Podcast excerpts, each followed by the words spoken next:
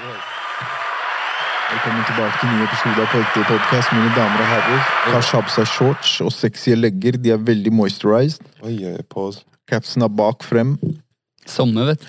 Episode 116 Så, noe sånt. er det det vi er på. Sorry til, ja, Beklager for Ja. at vi var borte forrige uke. Det har vært litt mye Disse gutta her har blitt superstjerner, så de har eh, veldig mye annet på agendaen og på timeplanen. Så vi måtte ta en eh, en ukes break. Og eh, som dere kanskje kan se, hvis du kutter til eh, Kash, eh, Diego, så sitter Kash alene, som dere ser. Fordi eh, vår eh, kvoterte kvinnfolk fra Vesterålen har eh, dratt på ferie, så shout out til Ujala. Hun har savnet i dag. Mm, veldig. Hun har dratt på ferie til eh, Italia. Jeg skal ikke si hvilken by. Det kan være undisclosed. Italia. Plutselig så går folk for å finne henne der. Så vi har ikke Hva sa du? Plutselig så Skal folk finne henne der i Italia, liksom? Jeg vet ikke, jeg tenker det er greit å holde location privat. Så hun er savnet i dag. Hun har tatt seg en velfortjent sommerferie. Shout out til hun. Ja, ja. Men det skal jo vi òg. Så um, vi alle skal jo ta en sommer, liten sommerferie. Det er planen, ja. Mm.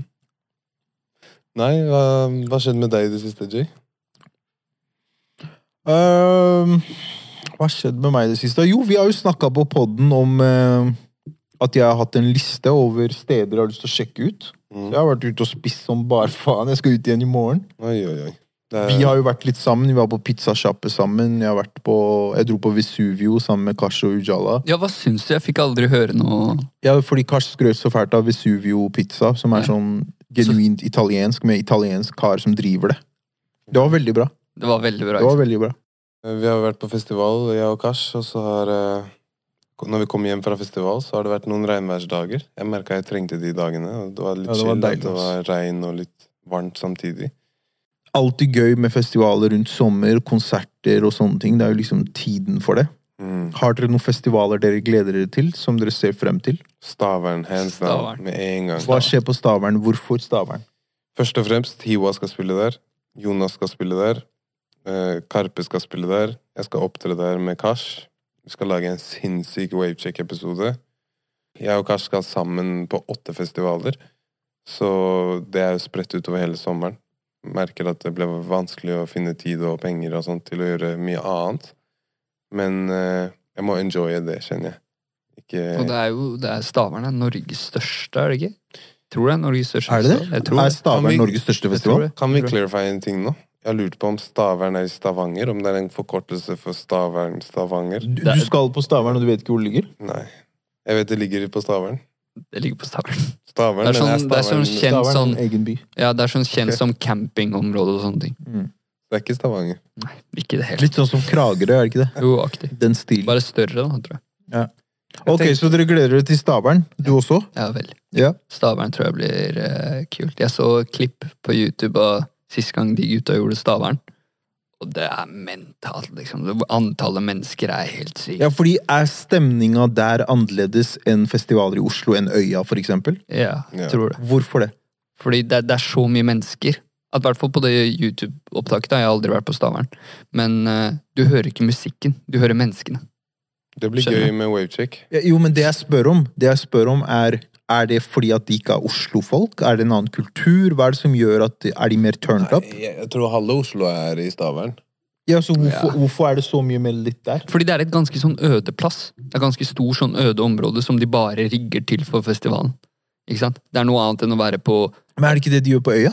Ja, men det er jo Øya er der med fem sekunder lenger ned i veien, så er det T-bane, og så er det Skjønner du? Det er Det er, det er, er skabben, liksom.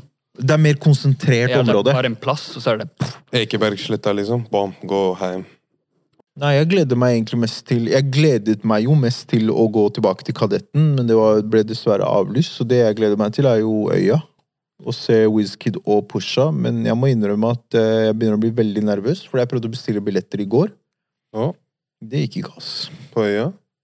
Jeg fikk ikke tak i en dritt. Da må man Det gikk ikke an å bestille engang. Det bare står noe galt, så jeg tror de begynner å bli utsolgt. Da må man kanskje ta noen telefoner og titt og datt og fikse fotopass. Ja, jeg tror vi må gjøre finesse et eller annet. Se for deg Jay, voksen mann, driver og sniker seg inn på øya på vek vekterne tar han. Jeg vil se Pusha! Pusha! Men jeg er skikkelig gass på å se Pusha, fordi tro det eller ei, jeg har faktisk aldri sett han live, og Pusha er i min topp fem. Vi skal snakke litt Ja. mer om Og han er, han er jævlig glad i Oslo, ikke sant? Det har du Han elsker. Oslo. Hva syns dere er dopest av festivaler og konserter? Hvis jeg skulle velge mellom festival og konserter Ja. Etter Kadetten i år så ble jeg sånn wow. Fordi jeg, ple- jeg sverger jeg pleide å hate festivaler. I fjor. Men nå så gikk du ut fra Norge bare generelt, føler jeg. Jeg tenker mer bare generelt. Hvis du skal på Nei, jeg tror, jeg tror mer festivaler. Da, at det har snudd, liksom. Ja. Fordi Bro, hvor gøy hadde vi ikke det på Kadetten i fjor? Og det hvor mye har ikke vi litt- snakka om den Burner Boy-konserten på Kadetten? Jo, jo. Men jeg føler alt det er litt fordi vi jobber samtidig. hvis det Ja, mening. kanskje. Det er har nok noe noe å si. Ja. Vi går framover i karrierevis samtidig som vi enjoyer, og så får sett liksom Burna Vi Boy. får og- mer ut av det. Ja, det er et godt poeng. Hadde du vært på den festivalen med bare meg og Kash og gutta, og det hadde vel liksom de som spilte der, og vi skulle bare gått fra show til show, så tror jeg du hadde gått til den der sørpa opp til beina, Ja. Jay. Festival er mer for fun, føler jeg. Men jeg liker bedre å gå på en konsert og se noe som jeg kanskje har Hvis jeg enjoyer et prosjekt, og så kommer den artisten med det prosjektet til byen, så vil jeg ha sitteplasser på en konsert. Det er mer personlig, liksom. Ja, at jeg, men det er derfor jeg sier at hvis det er liksom Når vil du miste hodet, eller holdt jeg på å si? Hva vil du gjøre for a day? Så er jo festival obviously morsommere fordi det varer lenger. Mm. Men hva, hvor jeg koser meg mest, eller hva jeg ville gjort i dag, det er kanskje å gå innom en konsert. Ok. Jeg er helt enig. Ja. Konsert eh, over festival ti av ti ganger. Mm. En, fordi man kan sitte dritspa på en fin plass og nyte Ja, ja, show ja. på konserten. Den dør jeg for. Jeg liker ikke å være i crowden. Mm. Også fordi man liksom er der og grunner liksom hva lærer jeg av det her, hva kan jeg hente, hva er kult, hva er ikke kult. Men eh, ja, ikke sant? det går jo ikke an å lage en verden på festival. Men det er også kanskje en grunn til at det er kult. At du kan ease inn i Burnerboy-verden, og så gå bort til Doja Cat, eller gå bort Mm. til Det er den Spotify-spillelista di i IRL, på en måte. Mm. Men uh, Jo, men det, altså det jeg, jeg sa foretrekker det, konsert, altså. det jeg sa, det er Magdi sine ord, fordi jeg ble sånn Wow, det er så sant. Han sa det nå når vi opptrer på den festivalen her, det er bare for å stunte. Det er for å vise våre beste låtene. La oss gjøre det på best mulig måte. Ikke la oss Fordi man får ikke skapt det universet på samme måte. Nei. Jeg har hørt i mange år liksom folk klage over live performances i Norge. At vi har, vi har litt begrensa med venuer, bra venuer, i Norge. Sånn som i Oslo har jeg snakka veldig mye med folk om det her. Det er en sånn kjent ting at Oslo burde ha hatt en mellomting mellom Rockefeller og Sentrum Scene og eh, Spektrum. Ja. At den skulle ha hatt en mellomting. Det hadde vært perfect, men vi har liksom ikke det. Vi har den derre 1500 til 2000, og så har du Spektrum 10 000. Vi har liksom ingenting Sånn imellom. 4-5-5. Sånn 5K, 6K, vi skulle ha hatt den.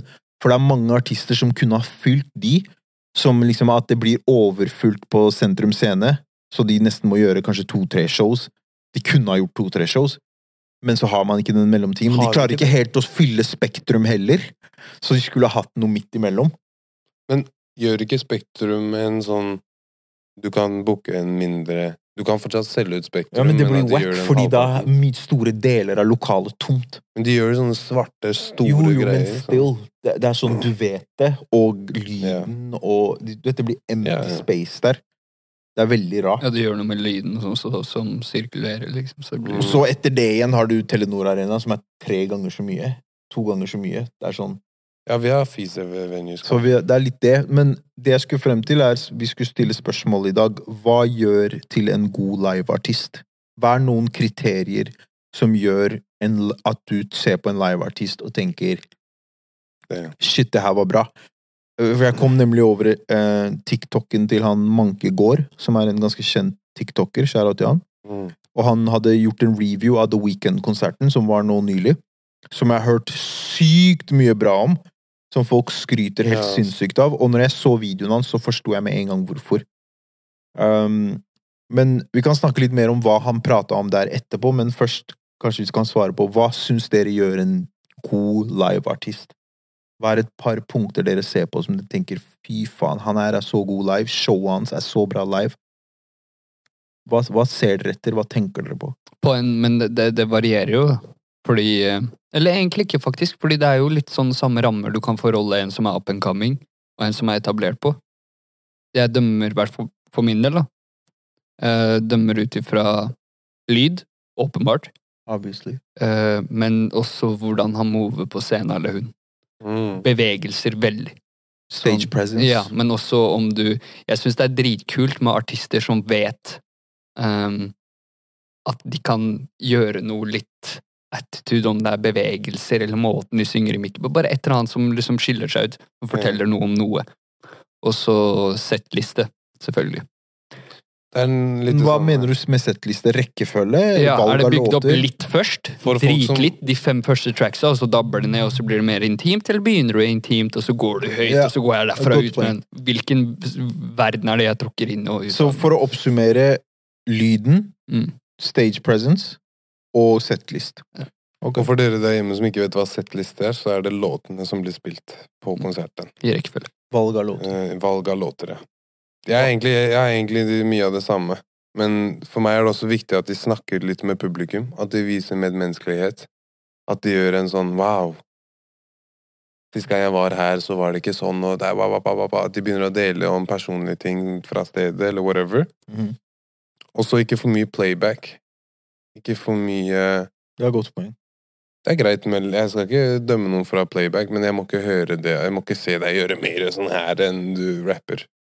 Og så at det, skjer med At ikke det er samme move gang på gang på gang. Som Mm. Megan The Stallion på Kadetten rista rumpa si halve sangen hver eneste låt. Det, er sånn, det var gøy første to gangene. Åh, takk.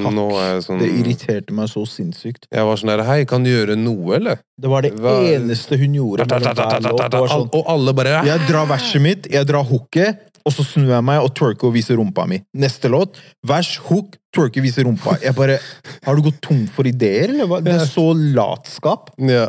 Det er sånn, det er dårlig show. Du, ikke, du gjør jo ikke noe annet. Så, Så det er er viktig enig. at de gjør en ny ting for hvert show. Om du drar og dabber i den ene låta, gjør noe annet på andre låta. Hit nay-nay på andre låta. Jeg Ja, ja, ja. ikke dabb i hver jævla låt. sånn-. Ja, vær underholdende. Og det som ja. sa, det er en rød tråd gjennom setlist. Ikke bare start med bangers, og så bare dør det ut. Mm. Eller at det går dritløv. Og at de, når de tar samme låt 100 ganger og sånn, det blir sånn Du melker den siste halvtimen av showet ditt nå. Jeg synes at Det er veldig gode poeng dere sier begge to. Jeg er enig med egentlig alt. Jeg syns det som er selvfølgelig kjempeviktig, er lyden. Obviously.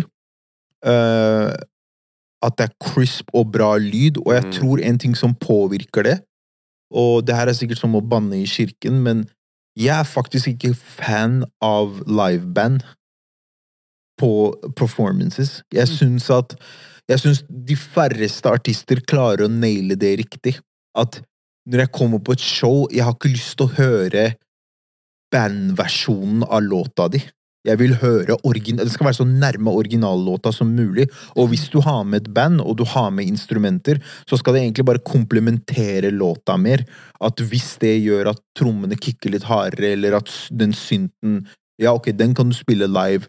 Den gitaren, at gitaristen spiller Mm. Hvis det faktisk er en gitar eller en synt som ligner på en gitar, greit, spill det, men ikke kom med en bandversjon av låta. Sånn, det instrumentet er ikke på låta, men du spiller gitar for å erstatte den lyden, som egentlig var noe helt annet. Da blir det sånn Jeg fucker ikke med det, og fordi at balansen mellom det og vokalen ofte er ikke bra.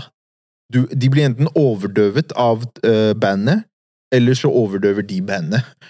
Men uh, Så jeg bare liker ikke helt den uh, Den derre bandfeelingen når Burnaboy gjorde det, for eksempel, på ja, Kadetten så var det noe helt annet, fordi musikken hans i produksjonen ofte, og i hvert fall afrobeat som en sjanger, har så å si bare naturlige instrumenter. Det er ikke sånn som trap-musikk og hiphop-musikk, hvor det er sykt mye sampling. Ja, altså Til og med artister som Karpe liksom sampler jo dritmye. Produsenten dem sampler jævlig mange forskjellige lyder og vokalchops og rare ting som de manipulerer til å høres ut som instrumenter. Så en kombinasjon, for å svare på spørsmålet Mm. ditt. En kombo av det digitale Men er det det, fordi jeg prøver å lure på om det er det Karpe gjør med Marius også, som er DJ? At han liksom han Ja. starter låta, og så spiller de andre oppå Yes. låta igjen? Man kombinerer det. Ja. Okay. Mm. Men det du sa også er kjempeviktig, det der med å interacte med publikum. Ja. Jeg liker ikke når artister kommer ut, og de drar seks, syv, åtte låter på rad, og så har de ikke snakka med crowden en gang. Mm. Det synes jeg, det er sånn, Da blir jeg sånn Bro, du må acknowledge folk, snakke til oss. Bare si to setninger, et eller annet. Bare yeah. Kommunisere med oss. Vis at du er menneske. Sånn wow, det Ja, var mange og da her, føles eller- det som ok, du snakker til oss. Det yeah. føles mer personlig og mer intimt. Men når du bare bang, bang, låt etter låt etter låt, og så er det bare sånn ok, du bare trykka på play og vil bare rase jeg husker jeg ble så provosert på barneskolen når uh, jentene i klassen hadde vært og sett Justin Bieber på Operahuset, og så var de sånn Han så på meg! Så var jeg sånn han, Du vet han ikke kjenner deg igjen. Jeg var skikkelig sånn bitter på at du tror han vet hvem du er, ikke sant? Og de var sånn Ja, han så på meg og smilte. Så var jeg sånn Så kommer du og ligger Jeg ville bare Nei, han vet ikke en dritt hvem du er. Tror du han tenker på deg nå? Nå når han ligger hjemme, tror du han tenker på deg? Nei, han tenker ikke Han på deg. Celine han Jo, ja, jeg, se på det bildet her. Jeg bare ser rett i kameraet eller noe, gikk forbi henne. Sånn Det er en ting jeg digga som Magdi gjorde på turneen deres. Jeg så de la det ut på Insta. Obviously var jeg ikke på noen av de showsene, men de la ut på Insta det at eh, det var en eller annen by som familien til Magdi hadde vært i, eller noe, og så Mm. acknowledger han dem fordi de er i bleachersene, så sier han de møttes her eller noe for første gang, og de er her i dag. Og så bader alle i publikum, og så peker han på De la det ut på Insta, basically. Yeah, jeg ja, husker jeg ikke alle detaljene. Men det er dritkult, fordi for meg, det som er kult med det, og det som gjør det kult, og grunnen til at det er viktig, er fordi det er historiefortelling. Det er kjempeviktig. Et sceneshow er jo også litt teater, og da er historiefortelling kjempeviktig. Han forteller en story om familien sin, og hvilken tilknytning det har til den byen de spiller i. Så nå blir det kjempepersonlig og rettet mot de i publikum Det- som han opptrer for i den byen. De er jo ikke fra Oslo. Nei, nei. Så det er kjempeviktig å kunne fortelle stories. Det er 100 de som har gjort meg bevisst på hvor viktig det der er. Når de pleier å snakke med publikum og sånn. Magdi er Norges beste på å interacte med publikum. Og bare Ja, ja, og når jeg så på- den videoen, så var jeg Ja, ja. sånn Det der er, det er, det er sånn super elite veteran-level. Sånn der, han karen der har opptrådt mye. Han Ja, vet ja. akkurat hvordan han skal worke crowden. Det er den der du kommer på en pod, sett på kameraene, bom, jeg Ja. takes alt klart for dere. Det Så, det, så de tingene er veldig viktige. Ja. Eh, for dere som har vært litt på turné, la oss gå litt videre. Mm. Dere har vært litt på tour life, uh, yeah, yeah. tour-livet. Vi har blitt grovinger nå. Har dere, har dere sett noe sånn derre Ikke bare med artistene dere har vært med, avviste de òg, men med andre også, kanskje, på noen av de festivalene. Har dere sett noe crazy sånne riders? Riders, for de som ikke vet, er basically en sånn liste av, over krav som artister ber om, som de skal ha på plass backstage når de, før de skal opptre. Og Mm. som en del av konserten deres at ok, dette er ting vi trenger, om det er mat, om det er drikke, reise Altså forskjellige ting, da. Og de kan be om veldig mye syke ting. Har dere sett mye morsomme ting på rider-lista til folk? Ja, vi ser jo ikke den, tror jeg. Vi ser ikke noen rider-liste. Jeg tror det er noe festivalen vet, bare. Og så putter de det i teltet deres. Men Fellesgreiene er sykt, da. felles Ja, det jeg har sett, er at Karpe får uh, mad, de, får den respekten de fortjener, for å si det sånn. Og de får en liten hytte. Mens de andre Nå er vi 30 mann nå, men uh, de andre får liksom små telt og sånn. Ja. Men, Ok, så la meg spørre det på en annen måte, da. Nå som dere har vært litt på festivaler og turnéliv sammen med så store artister, mm. hvis dere selv kunne valgt hva, Hvis dere kunne valgt en rider-liste med ubegrenset budsjett Dere kan spørre om hva dere vil. Fem, seks, syv ting. Hva hadde dere bedt om? Hvem skal gå først? Hvis dere var superstjerner Du kan be om hva du vil. Okay. Hva ber du om, Gosh? Er det, sam, er det festival, eller er det konsert? Spiller ingen rolle. Du velger. Ok, greit. Det er rider-liste. Om det er på festivaler. Da er det Stavernfestivalen 2023. Gosh skal opptre på hovedscenen. Headliner. Helt riktig. Med dum durag. Nei, nei, nei. Waves av Hashim er hjemme fra ferie. Han Alban den albanske frisøren er back. Ja. Så hva ber Så- du om? Først og fremst, Hashim skal komme dit. Vi starter der. Okay. Han skal bli flydd inn med helikopter. Ok, Klippe- Den er fin. Klippe håret eh, fresh, så fresh som man aldri har gjort før. Og så eh, massør skal komme. Okay. Massere, men ikke for hardt så man blir stiv. Bare sånn Pause. Ja, bare sånn eh, rolig. Og så skal jeg ha en Airbnb som er i nærheten av liksom, festival I nærheten av venue. Venue er konsertscenen. Sånn at når det er show, og alle gutta skal kunne være i nærheten av den Airbnb-en, eller hvor de vil De skal bare kunne gå fritt. Og når det er show, så skal jeg ta helikopter fra, som Hashim kom med, Han er Batman, han sjåføren. der. Til- Helikopter. tunga på scenen. Okay. Så er det scenen, og så går det sånn tunge ut, og så er det helikopterplass. Han, er, han har vært på turné, han begynner å kalle ting tunge, han vet hva ting heter. Og så og jeg skal gå du? ut av helikopteret. Det, det, hva heter det letter. Helikopteret letter, det spruter eh, flammer og Pyro. pyro og ting og tang. Spruter flammer. Flammene pleier ikke å sprute, gjør de det? På mine show gjør de det. bro. Fordi det? Han har vulkan på scenen. Han. Ja, konfetti, og så jeg gjør første låt. Paff! Det sprenger enda mer konfetti og sånn. Og så jeg interacter med publikum og blir litt menneskelig. Og Men det, det har ikke noe med rideren å gjøre. Nei, nei, Vil du ha hele showet? Jeg vil ikke ha show. Jeg spurte han om rider. Han ga meg konserten hvordan han skal opptre. Det var fint, det er greit, det er lov. Det er rideren min, i hvert fall. Det Det er en hel dag. Mye helikopterlife, da. Nei, men det er bare for å gi den Kanskje Det er hopper bra, til og med fra fa- fallskjerm. Det er, det er din rider. Du har lov til å spørre fra om du fallskjerm mens du tar første låt kommende inn på tora. jeg, jeg, kommer ikke, jeg kommer ikke på den konserten. Jeg, jeg har høydeskrekk, bror. Jeg blir ikke med på den konserten. Forferdelig lyd. Nei, nei, nei. Grov lyd. Mikken er syk. Den er sånn Ja, vi tar det en annen dag. Jeg har høydeskrekk. Jeg blir ikke med på den rideren der med fallskjerm. Det skjer ikke. Altså. Slapp av, du skal ikke være i helikopteret. Du skal være i Airbnb-en. Du kan se showet fra TV-en. Ok. Kars, har du, en, har du noen rider som kan toppe den der? For den var ganske vill. Han var ren Batman der borte. jo. Jeg eh, hømler meg selv. Han vil ha litt vann og litt frukt. uh, Iransk mat, that's it. Tørka Ja, egentlig. Pass meg noe iransk mat. Hent en eh, kar som kan massere huet mitt. Hodet ditt. Scout-massasje. Hva skjer med det om massasje? Nei, men vi har fått massasje helt nydelig. Hvorfor hodet ditt? Ikke nakken? Få i gang hjernen før jeg skal gjøre greier. Hvorfor må det være en kar? Fordi Jeg har sterkere hender. Vi kan si det. Hvil- Eh, Hvilke hode skal bli Nei. Også, Fordi han er mæbe, han kan ikke holde på sånn. Ja, nettopp. Mm. Eh, Men hei, stopp! Han sa evig budsjett. Ikke gjør den der hamble deg selv. Nei, nei, la han gå! Han kan velge hva med. Det er hans Jeg er rider, ikke ferdig! Ja, men La han bror, Jeg vet han skal si aprikos, tørka aprikos eller Han sa iransk greier. mat og en massør. Det er ok. Iransk mat, massør, jævlig mye frukt. Hva enn av frukt. Mm. På et bord, et dritlangt bord med jævlig mye frukt, liksom. Mhm. Og så gjerne sånn tropisk frukt, ikke som bananer og sommer. Yeah. Jeg er lei av de greiene. Og så uh, Vossvann. Oi. Fersk. Mhm. Og så vil jeg at for eh, hver For hver halvtime jeg er der, så pitcher de eh, Så blir det kjøpt noe form for bitcoin i navnet mitt. Hva er? For hver For hver halvtime jeg er der. Kjøper de en bitcoin i navnet mitt. Fy faen, han har tenkt gjennom det der. Ja, Jeg må Ok. få return of investment. Har du noen andre krav? Altså, nei, ikke noe spesielt. Gi meg en bok. En bok, faktisk. Ja, bok. Ok, Der du Heftig bok. punkterte hele greia. En bok! Du avslutter med en bok. Jeg humble myself. Ja, okay. En bok, hva enn jeg ønsker å lese. Og så Livet er bra, jeg trenger ikke så mye mer. Altså. Ok. Han Frukt, dama massasje. Ja, legg merke til det. Han tok ikke med dama.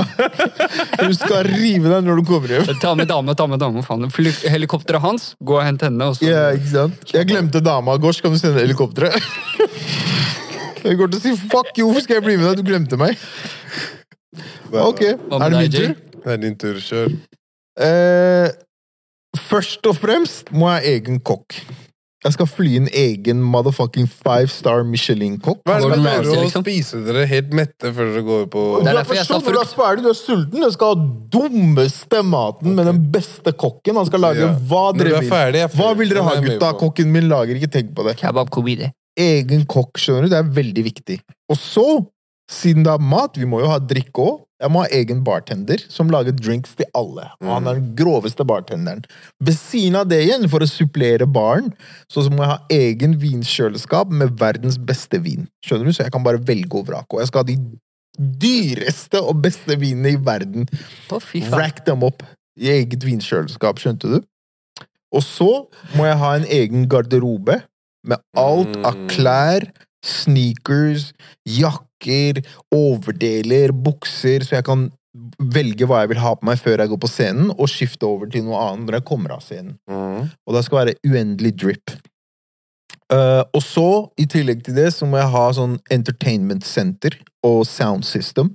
Som er sånn skjermer, TV-er for gaming, for å streame ting. Men også for å sette opp liksom høyttalere for vibes, for å ha liksom musikk gående og alt det. DJ og alt det. Men også for å kunne spille inn. Som hvis man er inspirert før showet eller etter showet, henter artister Ok, boom, la oss bare gjøre en track her nå. Så man har liksom et oppsett så hvor man kan bare enten spille musikk, danse, vibe mens kokken lager mat og bartenderen lager drinks, eller spille inn låter. Han skal komme helt ferdig ut på scenen. Jeg sa en bok, bror. Altså, Før og etter, skjønte altså, du? Og og full så, og og så, Det var studio, ja. og så, helt til slutt, for å toppe den av, så tror jeg faktisk jeg kommer til å toppe din. Så må det være en private jet som venter når vi er ferdige. Hvor skal vi dra, gutta? Mm. Egen private jet plane som flyr oss til dit vi vil. Helst et eller annet sted i Karibien. Jalla aktivera Salim. Yes, Bundesliga. Skjønte du? Det er livsstilen til Drake, er det ikke? Jo. Basically. Yeah, basically. Men bro, det er rett etter showet, vi har spist god mat, vi har drukket beste drinksa. Hvor drar vi på ferie? Kom, gutta. Jalla, aktivera. Oi, oi, oi. Den er fin, den. Ja, ja. Jeg hadde blitt med deg, i hvert fall. Jeg hadde ikke blitt med han her på noe Lise Bokjet med boka, Da sier du du det, vil du være med på tour? Bare si nei. Apropos andre shows og eh, presentasjoner, eller ja, mer shows, da, kan vi kalle det. Det har jo vært Paris Fashion Week. Eh, jeg ville bare ta opp dette kort, fordi det skjedde jo bare nå nylig. Jeg bare så det på timeline, hva var det? I går? Det har vært jævlig mye om det nå de siste to dagene. Både fordi at det har vært uh, liksom Paris Fashion Week, så Pharrell Williams, som er uh, en av verdens største produsenter, har jo vært head designer for Louis Vuitton i år. De har henta Mm. han inn, inn han etter at Virgil gikk bort, så han på en måte erstatta Virgil. Det er en bra erstatning, da. Sykt bra erstatning. Så uh, han hadde presentert uh, nye kolleksjonen på runwayen, og det har vært jævlig mye på Insta. Det er liksom overalt på Insta og TikTok. Uh, Jay-Z og Beyoncé satt liksom første rad. Uh, Dave gikk også, blant annet på det showet. Han gikk sammen med Pusha T og broren hans Malice. Um, og for de som kanskje ikke skjønner hvorfor Pusha og Malice er så fremtredende i den greia, er fordi de er fra Virginia, som Pharrell også er fra. De har vokst opp sammen, så de er liksom barndomsvenner. Hæ? Uh, Er Pusha og Pharrell barndomsvenner? visste du ikke det? da. Nice. Pusha T, broren hans, Malice, Ja. Pharrell og Timbaland er alle vokst opp på samme sted, og Missy Elliot. De er alle fra eh, Virginia. Rundt samme tid, og de er nesten basically samme kull, alle sammen. God Så damn. Virginia breeder helt sykt mange artister. Chris Brown er også fra Virginia. Ja. Allen Iverson. Mm. Så det Han var breeder helt sykt mange da. talentfulle folk. Eh, så det er derfor Clips på en måte har vært så uh, synlig da, i den greia. Fordi, på grunn av forholdet deres til Pharrell. Men det jeg ville snakke om, Ja, det det. som jeg syns er jævlig interessant, er Pharrell har produsert en låt for Clips, fordi de kom med et prosjekt nå. Eller i hvert fall Pusha gjør det. Og han produserte en låt som de gikk til på runwayen uh, under showet. Hvor Pusha har et vers hvor han disser Jim Jones fra Dipset, som er en veteranrapper som har holdt på i alle år. Og Dipset er en legendary group. Fordi for et par måneder tilbake så hadde Jim Jones Han var med på en podcast med Spotify. eh, med en fyr som driver en pod hos Spotify, hvor de snakka om hvem er de topp 50 beste rapperne of all time. Yeah. Og så var det noen som tok opp navnet til Pusha. Og Jim Jones bare bada helt og dissa han som faen. Han bare 'Hvem faen er han? Han har ingenting i topp 50 å gjøre.' Han bare snakker om å pushe coke som han aldri solgte. Ingen jeg skjønner har vil kle seg som Pusha. Han har aldri satt noen trender når det kommer til stil. Han ikke Han tilhører ikke der. Og så gikk han på Breakfast Club med Charlemagne og de. Og de spurte han om det. De bare 'Hva skjer med du disse Pochetti?' Han bare 'Nei, nei, jeg har ikke noe imot han, men come on'. Og så dobla han på det og sa det igjen. Han bare 'Ingen vil kle seg som han. Hvem har han influensa? Han har ikke noe hits'. Masse sånne greier. Og ingenting, ingenting fra Pusha. Han har ikke svart ingenting. Han venta til hovedshowet på Paris Fashion Week med Louis Vuitton. Han går på runwayen, og låta han spiller i bakgrunnen, Å, fy faen. som var sånn Mann. Ok, jeg har ikke satt noen trender. Ingen vil kle seg som meg. Greit. Her er låta mi, som kompisen min har produsert. Som også står bak hele, hele kolleksjonen, by the way, til verdens største motebrand. Oh. Spis. Og hele verset er diss til Jim Jones, hvor han tar opp um, Han tar opp det at huset til Jim Jones ble eh, Hva heter det når du har sånn repossessed av uh, staten? Ja. Når du ikke har betalt lånet ditt på leiligheten. De tar eh, Tar hele De tilbakekaller huset ditt. Ja. Så det blir repoed, basically, som noen kaller det på engelsk. Han snakker om det, for det er en artikkel som kom ut. Han snakker om hvordan han liksom ikke er relevant lenger. Og basically addresser alt i det verset. Helt sinnssykt vers. Wow. Og folk bader på Insta. Så hvis du går på Instaen til Jim Jones nå, alle, meg selv inkludert, legger inn gifs av Pusha T i kommentarfeltet hans. Og snakker om liksom sånn Ikke prøv deg. Og det som er morsomt med det her, det som er interessant Grunnen til at jeg ville ta opp det her, er fordi Jim Jones har vært veldig vocal på noen andre intervjuer, hvor han snakka om at Drake er beste rapper noensinne. Pusha har hatt en veldig famous beef, obviously, mot Drake, hvor han punkterte Drake i en battle. Mm. Så har Jim Jones gått ut og sagt nei, nei, Drake er nummer én, Drake er nummer én, og Drake har vært veldig vocal med å støtte Dipset og hvordan de eh, inspirerte han og alt det. Han tok dem med ut på showet sitt i New York for noen måneder tilbake. Så det er obviously en link der. Det det ser ut som nå, er at det kommer til å bli full beef mellom de to i sommer. Og jeg gleder meg som faen, fordi Pusha kommer til å spise han opp levende. Han er jo ikke en god rapper engang. Jim Jones er ikke en Han kan ikke rappe engang! Så han rapper offbeat. Hvordan tør du å begynne å prate til Pusha? Ja. Så det var jævlig underholdende, i hvert fall. Bare gå og fortsette å trene han der uh, Nick Cannon, holdt jeg på å si. Hvordan du trener med? Jeg vet ikke, men jeg er mye i gymmen. Ja, bare stay in the gym, bror. Ikke? Men det er også en sånn ting som jeg tenkte litt på, er sånn derre er- Hvordan er ikke Pusha T topp 50? Du kan ikke nevne 50 andre rappere som er bedre enn Pusha T. Men det hele er vel eh, mer en rop om å prøve å stay relevant, da. Fra Jim Jones sin side. Jeg vil tro det. Og denne alliansen med Drake. Ja, bare At du generelt. dissa Drake, fuck you, jeg backer ham. Ja. Det er litt den greia. Det er litt den derre Bror, bare som jeg sa, gå til gymmen, bare gi opp, du er ferdig. Det er ikke noe, Hvis du ikke dropper musikk, ikke begynn å snakke til andre artister Ja. som gjør greia si. Da virker det som du bare vil ha en del av litt mer fame. Elendig take, da. Forferdelig take. Da Pusha ikke jeg på topp 50, eller sånn. Ja, men det er det jeg mener, at du gjør, du, du gjør noe Det er noe sånn derre stunt. Det er ikke noe du faktisk mener det her. Det det Ja, fordi det er det mange sa. De bare, Hvordan kan du mene det? Det er jo bullshit, det du sier. Og, og hans argument var Fordi det som er tingen med ikke sant, Jim Jones er fra Harlem. Og Harlem er Det er liksom Når det gjelder fashion i New York, så er Harlem har det ryktet på seg at det er fashion-mekkaen i New York. Mm, At alle trender starter ofte i Harlem. Hvite Air Force Ones mm. kommer fra Harlem. Det er Harlem som populariserte hvite Air Force Ones. At det er det som gjorde at det ble et globalt fenomen. Timberlands litt annerledes, fordi det er andre steder i New York, men Air Force One spesifikt, hvite Air Force Ones, Mm, det er sånn Harlem har gjort det til et globalt fenomen. Okay. For tidlig 80-tallet, 90-tallet, det har liksom alltid vært det. Så poenget er at, at hans take er at han, ingen ville kle seg som han. Jeg skjønner det argumentet, fordi ofte rappere setter trender når det kommer til stiler og sånne ting. Men husk at den beefen mellom Pusha og Drake kommer fra en beef som Pusha hadde med Little Wayne. Fordi at de, Clips og Pharrell var de første som gikk med Bape. Mm, Og da var det noen i et intervju som spurte Little Wayne, fordi Little Wayne begynte å gå med Bape. Så sa de ja, det er mange som sier at du tar stilen til Clips. mm. Det er de som starta Bape-trenden. Og så var han sånn fuck de. Og så, og så var Mm. Sånn hæ, hva mener du fuck? Og så var det ikke vi som sa det, det er fansa som sier det. Og så begynte en beef mellom de. Mm. Og det er sånn beefen mellom han og Drake starta. Fordi Drake var sånn Wayne, han som oppdaga meg, han signa meg. Du kan ikke disse min OG. Mm. Så da begynte en tension mellom de. Og det er sånn beefen deres egentlig starta.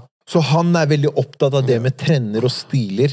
Derfor sier han han- Derfor hopper han til det. Men hvor sykt er ikke det å holde kjeft i tre måneder og si greit, jeg skal la musikken snakke for meg, og ikke nok med det. Jeg skal debutere det mens jeg går med nyeste Louis Vuitton-drippen og låta spiller i bakgrunnen, og han som har produsert den, er også han som har lagd klærne. Spis. Hva skal du si etter det? Altså, alle argumentene dine er punktert. Bare gå og lag noe greier med Puma, liksom. Lag noen greier med Zalando, bror. Ja, det er vanskelig å toppe det der. Vet du hva som er enda verre? Jim Jones har et eget klesmerke. Vet du hva initialene på klesmerket hans er? Nei. Det er ikke LV, det er VL. Han har bare tatt Louis Vuitton-logoen, for det heter Vampire Life. Han har tatt Louis Vuitton-logoen og flippa den, så det står VL med samme font, som er flipp på Louis Vuitton.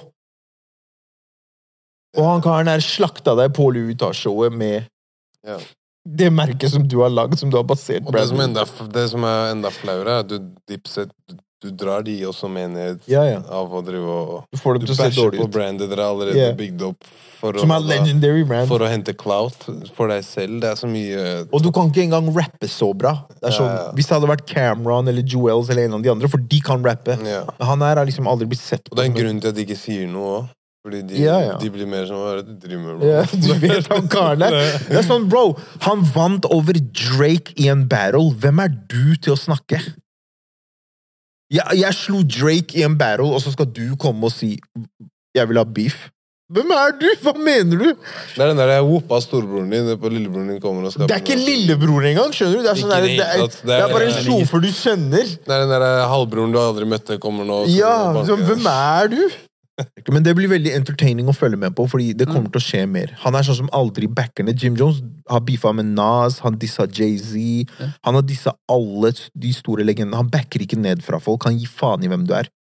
Så derfor kommer det til å bli jævlig entertaining.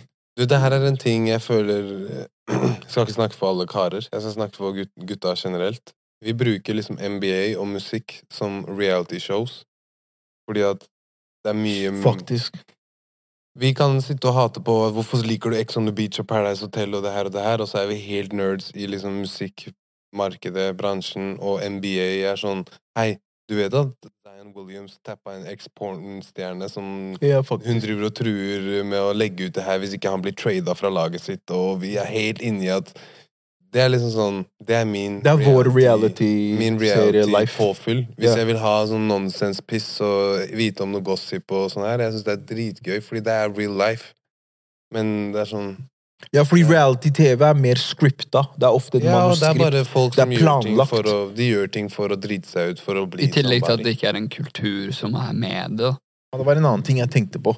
Med tanke på Jim Jones sin affiliation med Drake, at han liksom rider for Drake så mye, at det er sånn han endte opp i den beefen. En ting jeg tenkte på som jeg ikke liker når folk snakker om Drake, for eksempel, som jeg ikke fucker med, er sånn derre Folk er så quick til å si sånn derre At hvis en rapper er veldig lyrisk, så er de sånn herre Det blir for lyrical. Hva er det for noe? Jeg vil ikke høre på det. Men når Drake gjør det, så sier de sånn Se, han er verdens beste rapper. Men så hører jeg på rappinga, så er det sånn Men det er jo ikke så lyrisk. Han er jævlig god, men det er ikke det, er ikke det beste. Det er ikke det mest lyriske du finner. Så poenget mitt er Når han stepper inn i den arenaen, så er han ikke best på det, men de sier han er nummer én. Men når en artist som Pusha T, for eksempel, er, som bare er lyrisk, gjør det lyriske ti ganger bedre enn Drake, så sier folk det blir for lyrisk. Forstår du hva jeg mente nå? Ja. Tror At når en lyrisk artist er ekstremt god på det lyriske og gjør det lyriske, så sier de det blir for mye. Men når en som Drake gjør det, så sier de han er verdens beste, og han er ikke så god på det engang. Mm. Så gir de ham mer cred enn han fortjener. Men det han prøver å gjøre, er jo å steppe inn i banen til de som er lyriske. Skjønner du hva jeg mener? Yeah, yeah. Det er som å si han fotballspilleren der er superteknisk, han er dritgod på finter, han er nummer én på finter. Messi. Men Ronaldo. hvis en annen gjør det, som er mye mer populær enn han som er dritgod på finter, han har mye mer populær status, Cristiano Ronaldo eller whoever, Mbappe. kommer og finter, Altså, Han er egentlig ikke beste på å finte, men han kommer og finter. Han kommer inn i fintegamet, så sier de han er beste finteren ever. Så er det sånn Nei, det er egentlig bare fordi han er jævlig populær. Ja. Mm. Forstår du hva jeg mener? Ja, jeg skjønner. De er veldig fort på å si at Ronaldo er beste finteren ever, men alle Du kan se Helt objektivt kan du se at han er egentlig ikke Det er en annen finter som, er sånn, som kan løpe laps rundt han karen her. Jeg føler det der viser Men du gir ikke han like mye cred, for han er ikke like populær. Mm. Skjønner du hva jeg mener? det, Jeg føler det viser seg veldig i J. Huss og Dave Nei, og Drake-låta. At Drake er ikke så Hvis du hører hvor lyrical J. Huss er i forhold til Drake, bare på den låta der Men det verset er jo helt Det verset er, verset er det verset er katastrofe. Det er, det Så du ikke snakk til meg om lyrical uh, forehead, shoulders, knees and toes, bror. Hva er det, Forferdelig. hva er det greiene der? Men poenget mitt var bare at sånn Jeg merker det at liksom sånn Ok, jeg elsker liksom lyrisk drevet musikk. Det er liksom, jeg føler, Og en ting som Pusha alltid har sagt i intervjuene hans Han sier at en ting som aldri går ut av stil, som aldri vil endre seg i musikk når det kommer til hiphop, er lyrisk drevet rap. Mm. At det kommer aldri til å gå ut av et, en, det, det er aldri en trend.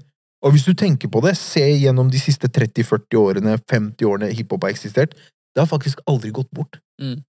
Fra liksom LL Cool J, Run DMC, NWA, Tupac, Biggie, DMX, Jay-Z, Nas, nå i nyere tid Kendrick, J. Cole, de nye som er nå, som er lyriske, Benny the Butcher, Griselda sånn, Det går aldri vekk! Mm. Ikke sant? Mm. Og da er det jeg ikke forstår da, er hvorfor er folk så quick på å liksom bæsje på lyriske artister. Det er fordi de ikke kan engelsk, bro. At det er sånn der, Ja, fordi det er så kunstnerisk, det er så poetisk, det er så mange lag bak det. Det verset som han debuterte, det er, det er insane hvor, hvor layered det er. Men folk skal alltid liksom rive det ned sånn ah, Det blir for seriøst, bro. Men det derre Hele den derre vibey-vibe-kulturen som er nå rundt musikk, jeg har begynt å mislike det mer og mer. Mm. Det er en vibe, bro! Det er en vibe, bro! Det er luft, bror! Det blir for mye av det, skjønner du? Det blir for mye luft. Så det er sånn der, jeg bare føler folk må putte mer respekt på liksom lyrisk drevet musikk. Men det er også de samme folka som ikke har vokst opp rundt de, artistene du nettopp nevnte. Så de har vokst opp til å høre på house beats og house ditt og house, og nå er de litt inne i rap-verden. Og bare da lyrical Så du mener at det er, at det er et kommersielt publikum som har kommet inn, og som bare er på besøk, på en måte? Ja, som eller har at gjort de at det er sånn blitt der pop House blir til pop, pop blir til rap, rap blir til house og pop og rap og alt det der. Ja, så det er veldig viktig at det I tillegg, I tillegg til at vi, rap hadde jo ganske bad rap i sånn 2017-18 i USA, med Little Pump og Ja, alle de sjåførene som var liksom Soundcloud-waven. ja.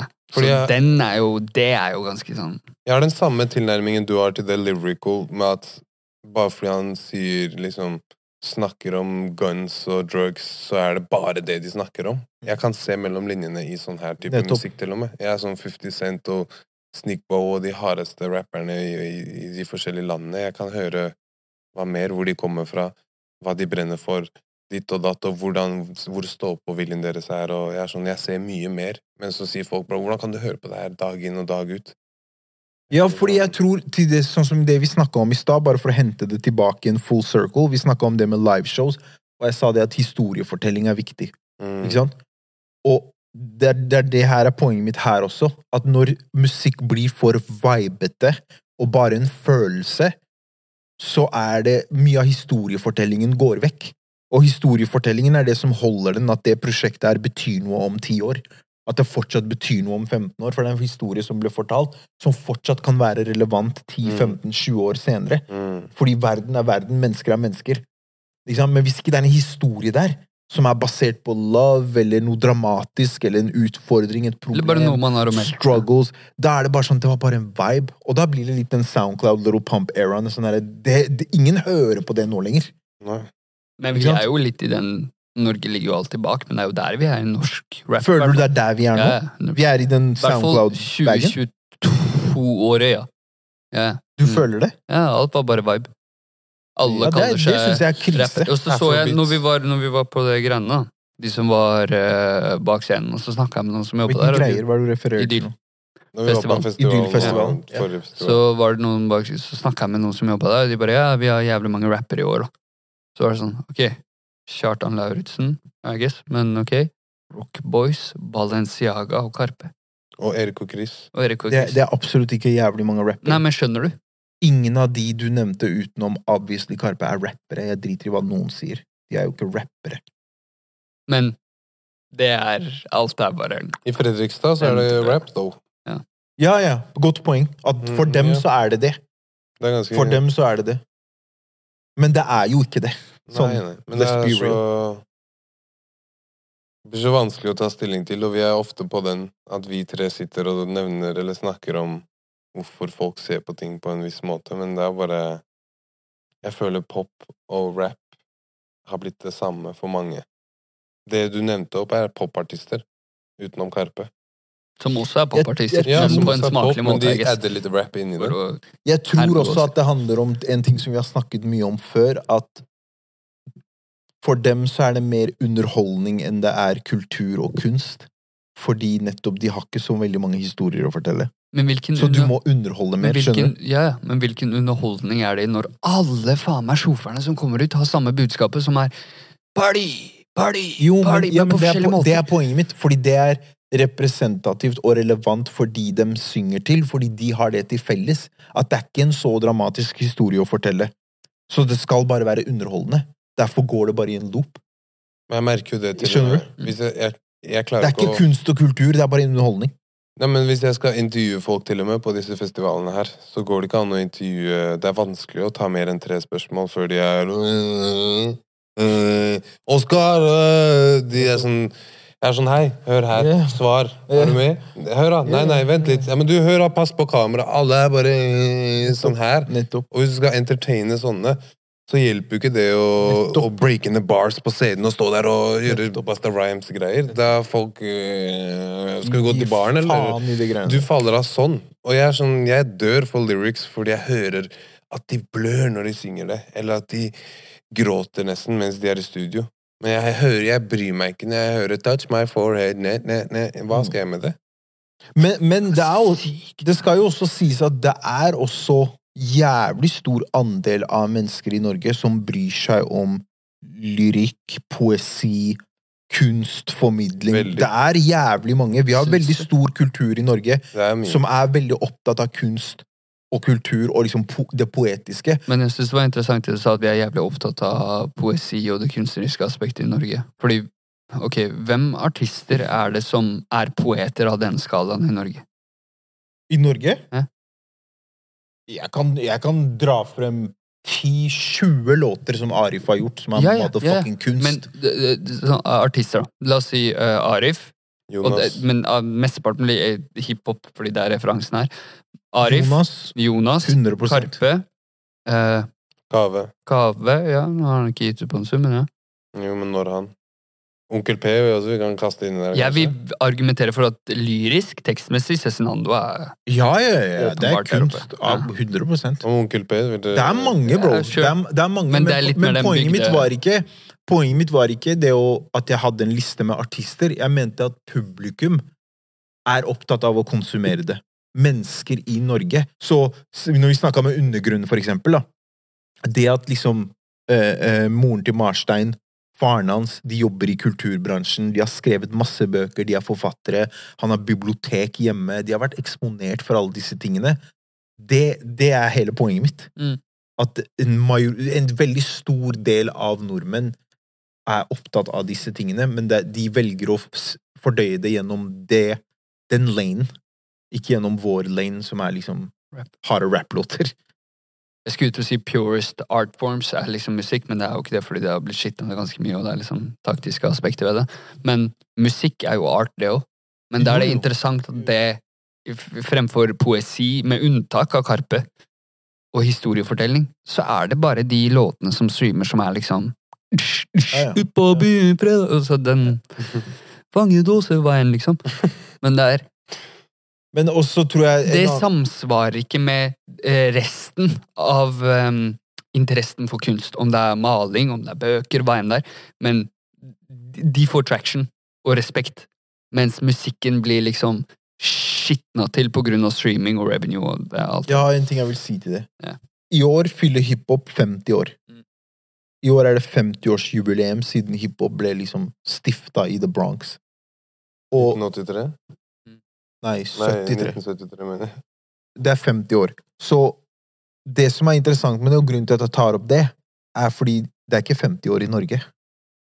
Så hvis du drar på, går på YouTube og går ned i en rabbit hole, som vi ofte mange av oss gjør, og Nei. ser på musikkvideoer, låter fra 2011, 2012, 2013, 2014, til og med 2015 Kjære til National hva, hva finner du da? Og, og hvis du ser på det, sånn virkelig ser på det med et kritisk øye, så må du være enig i at du ser på det og tenker shit, vi har kommet langt. En kjenning, det er spennende. Ja. Siden 2014-2015, Ja. shit, vi har kommet langt. Poenget mitt er at kvaliteten for bare seks-sju år siden var ikke så bra som den er nå. Mm. Skjønner du? 100% De hadde ikke Axe og Thomas Kongshavn og Philip Kolseth og Pacify, pacify. Pacify og disse boysa her i 2014. Mm -mm. Så det er fortsatt veldig ungt. Pluss. Eddie Ozino, Bargy, Patrick, alle som Det har skjedd mye på fem år! Ja. De var ikke der for seks år siden, skjønner du? Nei. Og jeg føler at da vi, når Kave kom, så var det liksom Oi. Nytt kjøtt, følte jeg. Og så etter Det var Kave fortsatt veldig nytt. Ja, altså når Arif og Så har det bare gått Ikke sant? derfra. Så det, det er poenget mitt er det er fortsatt de sånn infant stages. Vi kjenner det Det er er én generasjon. det, det, er fortsatt, det er fortsatt i tenårene. Vi skal er én eller to generasjoner bak før du ser før det De som begynte. krise! Før du ser de som Det er der liksom Heter han den der jævla pizzafyll-reklame på Ståle-stil? Ja, ja, ja. Ja, ja. ja. Pizzafyll, ja. ja, ja, ja. Skjønner du? Sant, du? ja. det er ikke lenge siden. er bare sånn Det er ikke lenge siden. Det var krise for ti år siden! Før vi går videre, jeg syns det er interessant, for vi snakka om det på møtet også. Det er jo interessant at uh, vi er i den unge fasen, om vi skal gå etter den hypotesen. Men 2022 var første året der hiphop ikke var nummer én på Billboard, var det ikke? Eh, nå i 2023 2023. Så langt i 2023, vi er seks måneder inn, så har det ikke vært én release som har vært nummer én på Billboard-listene. Eh, sånn i USA, eh, hvert fall. Som er veldig, veldig uvanlig. Og jeg, jeg, jeg kan ikke huske Jeg husker ikke hva statistikken var. Om det, har skjedd, om det ikke har skjedd ever, eller om det bare var jævlig mange år siden. Men det er i hvert fall et veldig uvanlig fenomen at hiphop ikke er nummer én, og da har mange begynt å diskutere sånn Begynner hiphop å falle av? Hva skjer? Det kom også være en diskusjon i, før, da det bare var Weezy og 50 Cent begynte å dry opp og så, ikke sant. Det er jo ikke noe nytt. Men det jeg sier er, det er interessant fordi jeg føler det er lenge siden jeg har hørt, til og med når Kendrick, Kanye, hvem enn som har droppa, har droppa, at jeg følte sånn oh, yeah. Det her er en skive som Fuck. Den tiden her er din nå.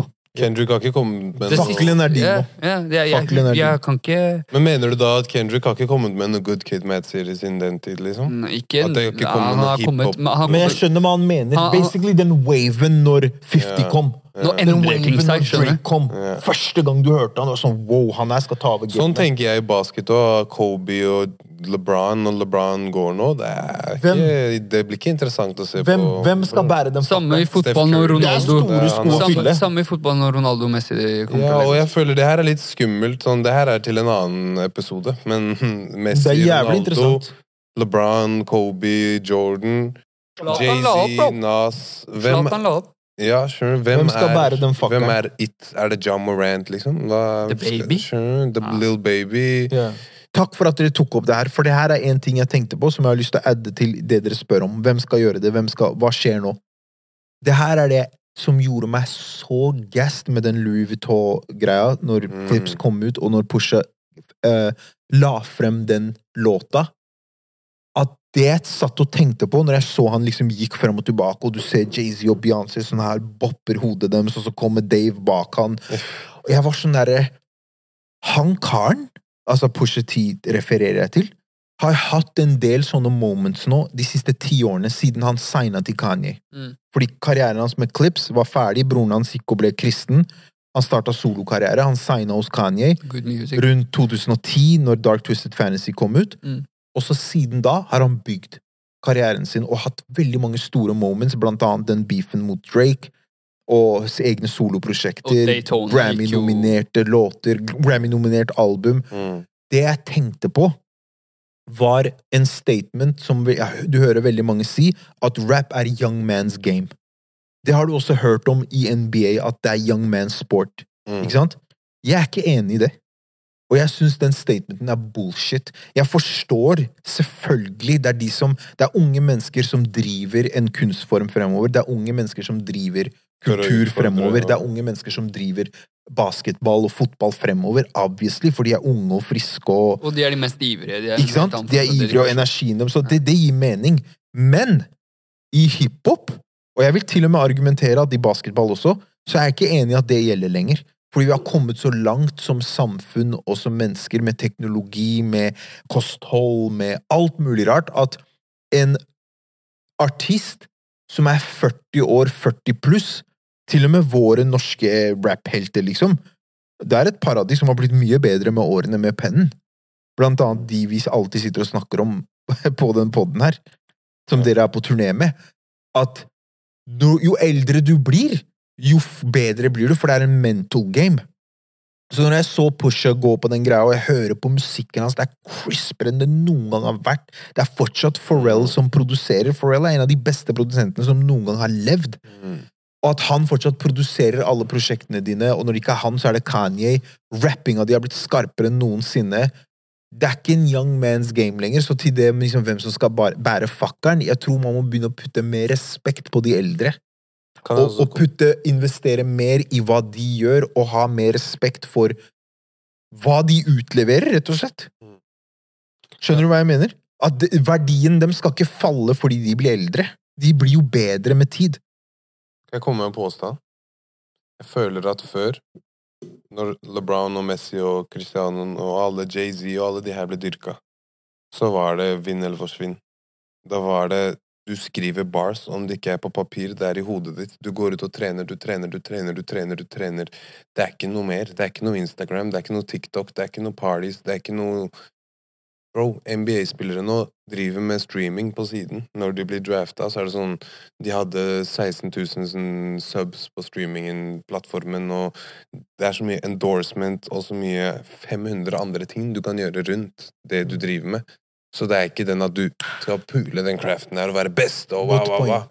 At det er grunnen til at de ikke bryr seg like mye om det. Ja, eller bare at Ikke nødvendigvis bryr seg, men at det er den det, det er ingen som skiller seg ut til å være en, the next uh, det, gatekeeper, holdt jeg på å si. Han med fakkelen. Ja, jo, men det er jo fordi Ja. de ikke bryr seg like mye. Fordi- Ja, okay. Kobe bor i gymmen. Det er det jeg mener, at Jordan var ute og tok 10 000 skudd selv om det regna hver dag. De Mens nå nå så er de sånn Ja, det regner, jeg kan streame i dag, da. Chiller'n litt i dag. Og så er det den, og det er mye excuses. sånn. Veldig godt poeng. Du er er ikke like del- dedikert. Jeg er en del av den generasjonen her som er veldig, Veldig sånn godt poeng.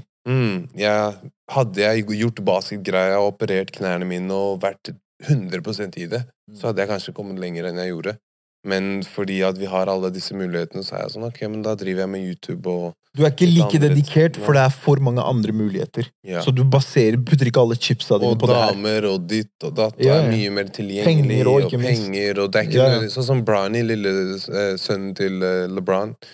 Det er sånn Han driver med streaming, han, driver, han er ja. sponsa av Nike, han Ja. er signa av Nike allerede. Har Og halvparten av de NBA, NBA-spillerne har podkast ved siden av Ja, ja, karrieren sånn. Du har mange NBA-spillere som har starta pod nå. ja. 100. Steph Curry med Draymond Paul Green George. alle- Bror, det er veldig Patrick Beverly. Gilbert Arenas. Ja, ja. Det er sånn Det, men det er et godt poeng, men jeg bare tror at det, det vi starta med å si, er liksom sånn Ok, det er ikke en sånn bonafide superstar lenger som bærer det. Jeg tror det er disse tingene at en, vi avskriver de eldre for fort.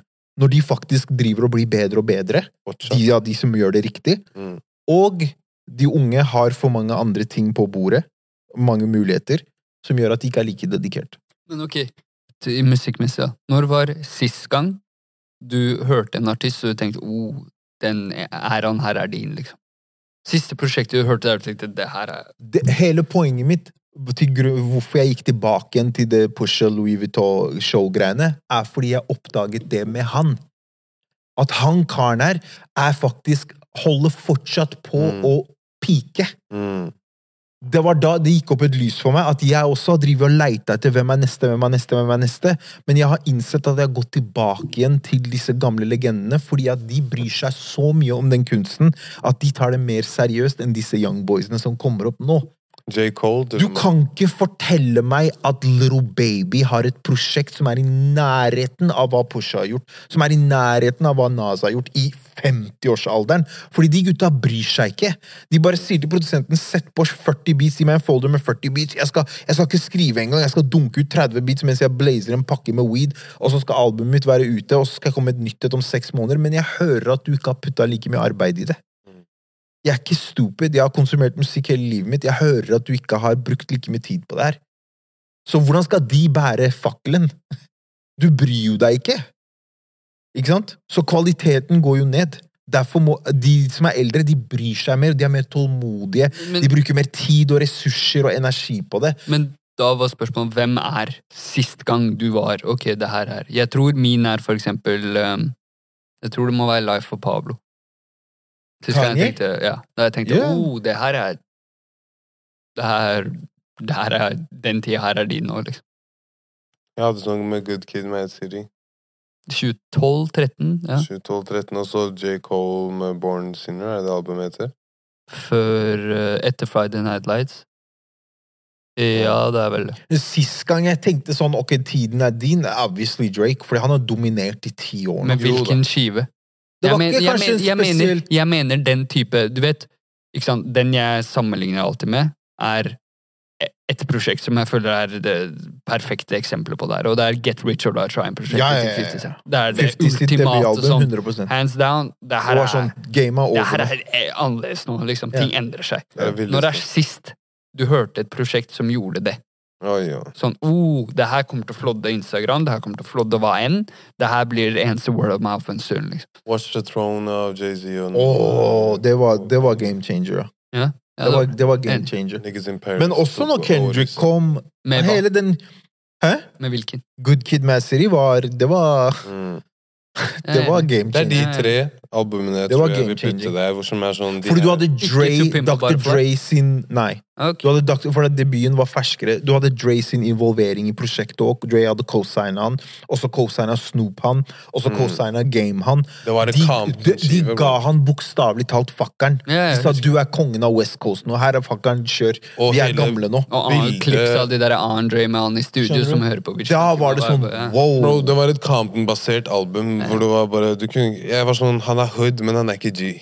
Skjønner du? Det Ja. var så kult album. og Så jeg det var, sånn- den, det var en blanding av gamle generasjonen Ja. av gangsterrap fra Ja. 90-tallet, men det er også den nye generasjonen med folk Ja, som er litt mer vilt. nerds. ja, ja. Det var perfect sånn marriage. Så det var absolutt ja. Men etter det, så jeg føler at det jeg har lagt mer fokus på, er å se hvordan legendene ager, og hvordan de tilpasser seg game, og hvordan de holder seg relevante ved å ikke gjøre ko- kompromisser og ikke selge rumpa si liksom bare for å være relevante. Men Mm. de bryr seg så mye om kunsten. Men det er fortsatt dope. Det er fortsatt Det er fortsatt stilig, skjønner du? Det er ikke sånn derre Nei, jeg skal bare bevare på det gamle og være firkanta og vanskelig. Det er fortsatt dope. Det er fortsatt på runway til fuckings Louis Vuitton. Drippiest av the drippiest. Mm. Med Dave bak deg, som er denne generasjonen. Skjønner du? Så Mm. jeg ser mer på de, jeg. Jeg syns det er mer spennende.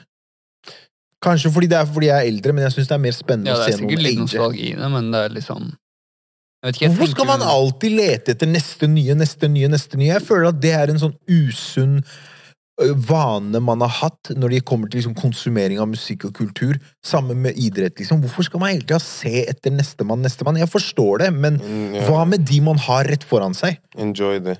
Fordi de skyter oppover og bryr seg så mye og fortsetter å bli bedre, og de har lært av mange flere feil. Mm. Så det er sånn, de er faktisk Du vet den derre memen av han fyren som graver etter gull, nå. og så stopper han rett før? Mm. De er jo mye nærmere der Mm. enn han sjofaren her som kommer. Han har ikke begynt å dra frem spaden engang. Ja, men jeg bare, jeg bare tenker på den derre, ok, i Mm, tidslinja av hiphop, liksom. Ja. Så er det, hvis man skal markere fra 1972-3, så blir det ok, her er vi jo tidlig 2000, det har skjedd mye, om det er NWA eller hva faen, Tupac, Biggie, alt der. 50 Cent, Lil Wayne, som dropper den skiva han droppa. Drake. så Drake, Kanye. Men hva var sist gang? Det var et sånt øyeblikk som Nå skal det inn i Skjønner du? Ja, den er vanskelig. Ja, den er dritvanskelig, fordi jeg oppriktig jeg føler ikke det er noe. Det er Og kanskje det er fordi det dropper så jævlig mye at du rekker jo nesten Ja, det ikke å det jo. Det det. Du rekker jo ikke å jo høre en skive i to og den generasjonen, fordi hele den waven med alle disse Trippy Red og Playboy Cardi og den greia der, de er på den derre drug-psykosen. Jeg skal bare poppe mollyer og bade og pule 15 damer samtidig og uh, stage dive og Fordi de kommer fra rock-referanser. De fucker med liksom Marilyn Manser og punker og den der. Djevelske symbolikk i musikken og De er ikke på den Jeg greia. syns én gjorde det på en litt mer smakfull måte. Hele rollouten hans, også XXL-freestylen hans, alt sammen. X.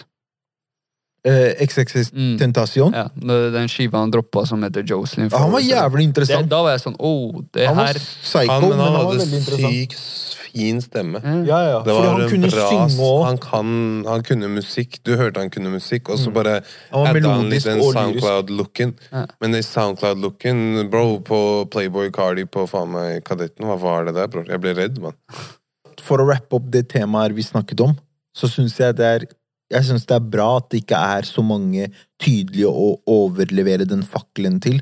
For nå faller ansvaret mer på de som er eldre, og jeg stoler mer på de. Jeg har mer tillit til de, for de har vært i gamet lengre. De har, de, jeg stoler mer på at de skal holde den kulturen her levende, enn at den youngen på 19 år skal komme og Han kan ikke redde oss. Men gleder du, deg ikke da, da, gleder du deg ikke da til det blir mer av den eldre generasjonen i musikken som styrer musikkmarkedet? Og Jo, jo. disse labelsene og Jo, disse hvordan ting blir roll out og alt. Absolutt. Jo, jo lenger, jo eldre folk blir. Det er ikke sånn at de skal vekk. LeBron også skal Nettopp. kjøpe et lag Vi må slutte å avskrive de, skjønner du? Vi må slutte sånn, å tenke at de dør fordi de legger opp i Ja. karrieren. De kommer fortsatt til å ha sin finger i spillet, liksom. Jeg bare elsker Pusha T, Altså. Jeg tror det er der det her begynte. Det har vi Han er den skjønt. eneste som jeg hører Når han dropper noe, så tenker jeg sånn Jeg har litt lyst til å lage musikk nå. Det er så Han bryr seg så mye. Det er min tid, Jay. Det er bare å komme, bro. Du vet hvor jeg bor. Jeg Men hva tror, du han er, hva tror du han er sterkest på? Hva han er sterkest på? Cadence? Nei, bare det, det lyriske. Må ikke kaste. Vi Det prøver å lande her. Ja, men det Det er lyriske. Nå må ikke du, du bare sprite Metaforer, bensin. bars, wordplay. Det lyriske. Så det er din ukas låt. Jeg tror faktisk den låta dropper i morgen. Ja, Det går da er rykter om at den dropper i morgen. Da er det ukas låt for Jay. Jeg vet ikke hva den heter folkens. Det er Pharrell uh, Pharrell-produsert uh, Clips-låt. Yeah. Hva er deres ukas låt? Vi kan rappe opp. Jeg tror Diego begynner å bli drittlei oss bak der. Det tror jeg òg. Men apropos det bare om å ikke ha, forstå musikk. Jeg forstår ikke så mange ord i afrobeat, men det er sinnssykt. Og jeg forstår noen ting her og der, og det er nok for Du meg. forstår njæsj. det forstår vi alle, gjør vi ikke? ukas låt for meg jeg vet ikke, Og det også er noe som irriterer meg. Alle afrobeats de har syke navn på sanger og navn på artistene og alt. Men uh, jeg tror det er Low J, Park O. Low J er heftig, ass. Low J, Park O ganger tre heter den låta. Jeg legger den i spillelisten vår på Look North playlist. Yes, sir. Det var ukas låt fra Goshala. Min du, er uh, uh, Ja, det var uh, King Van, Took Her to Row.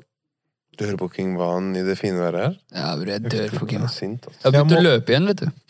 Du har det? Ja, hva er det? Løpe igjen? Har du vært sånn løpestjerne? Han løp som en gærning. bro. Du skulle ha visst, Er ass. det sant? Han jeg gjorde Jeg rock Jeg var shit, kid. bro. Når jeg var ikke så kid engang, 14. Du liker å løpe? Ja, veldig. Når jeg var 14, så sa fatteren til meg, fordi jeg var en sommer sånn sånn, «Ah, folk har begynt å drikke og sånn, jeg var fortsatt kid.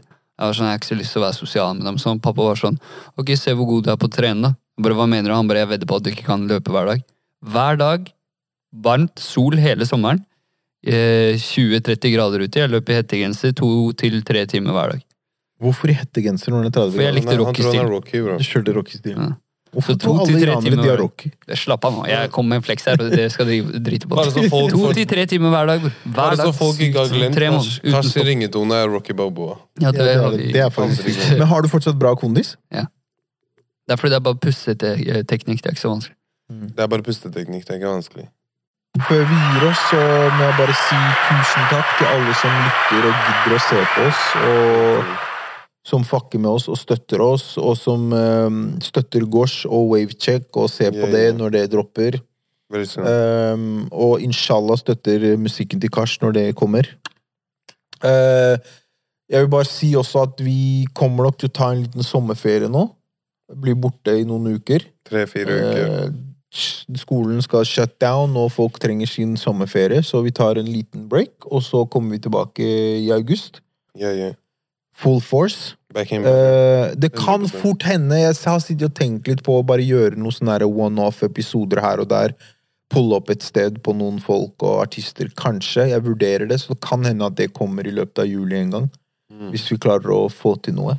Vi har Mm. tenkt, tenkt litt på det. Så vi får se. Men for now tar vi en liten sommerferie, så god sommer til alle. Jo. Og så er vi back Jo. before you know it. Det går veldig fort. Tida flyr. Det går altfor fort. Så husk å like og subscribe. Kommenter også. Det kan du også gjøre. Og kan alltid sende inn et lite spørsmål i kontaktskjema.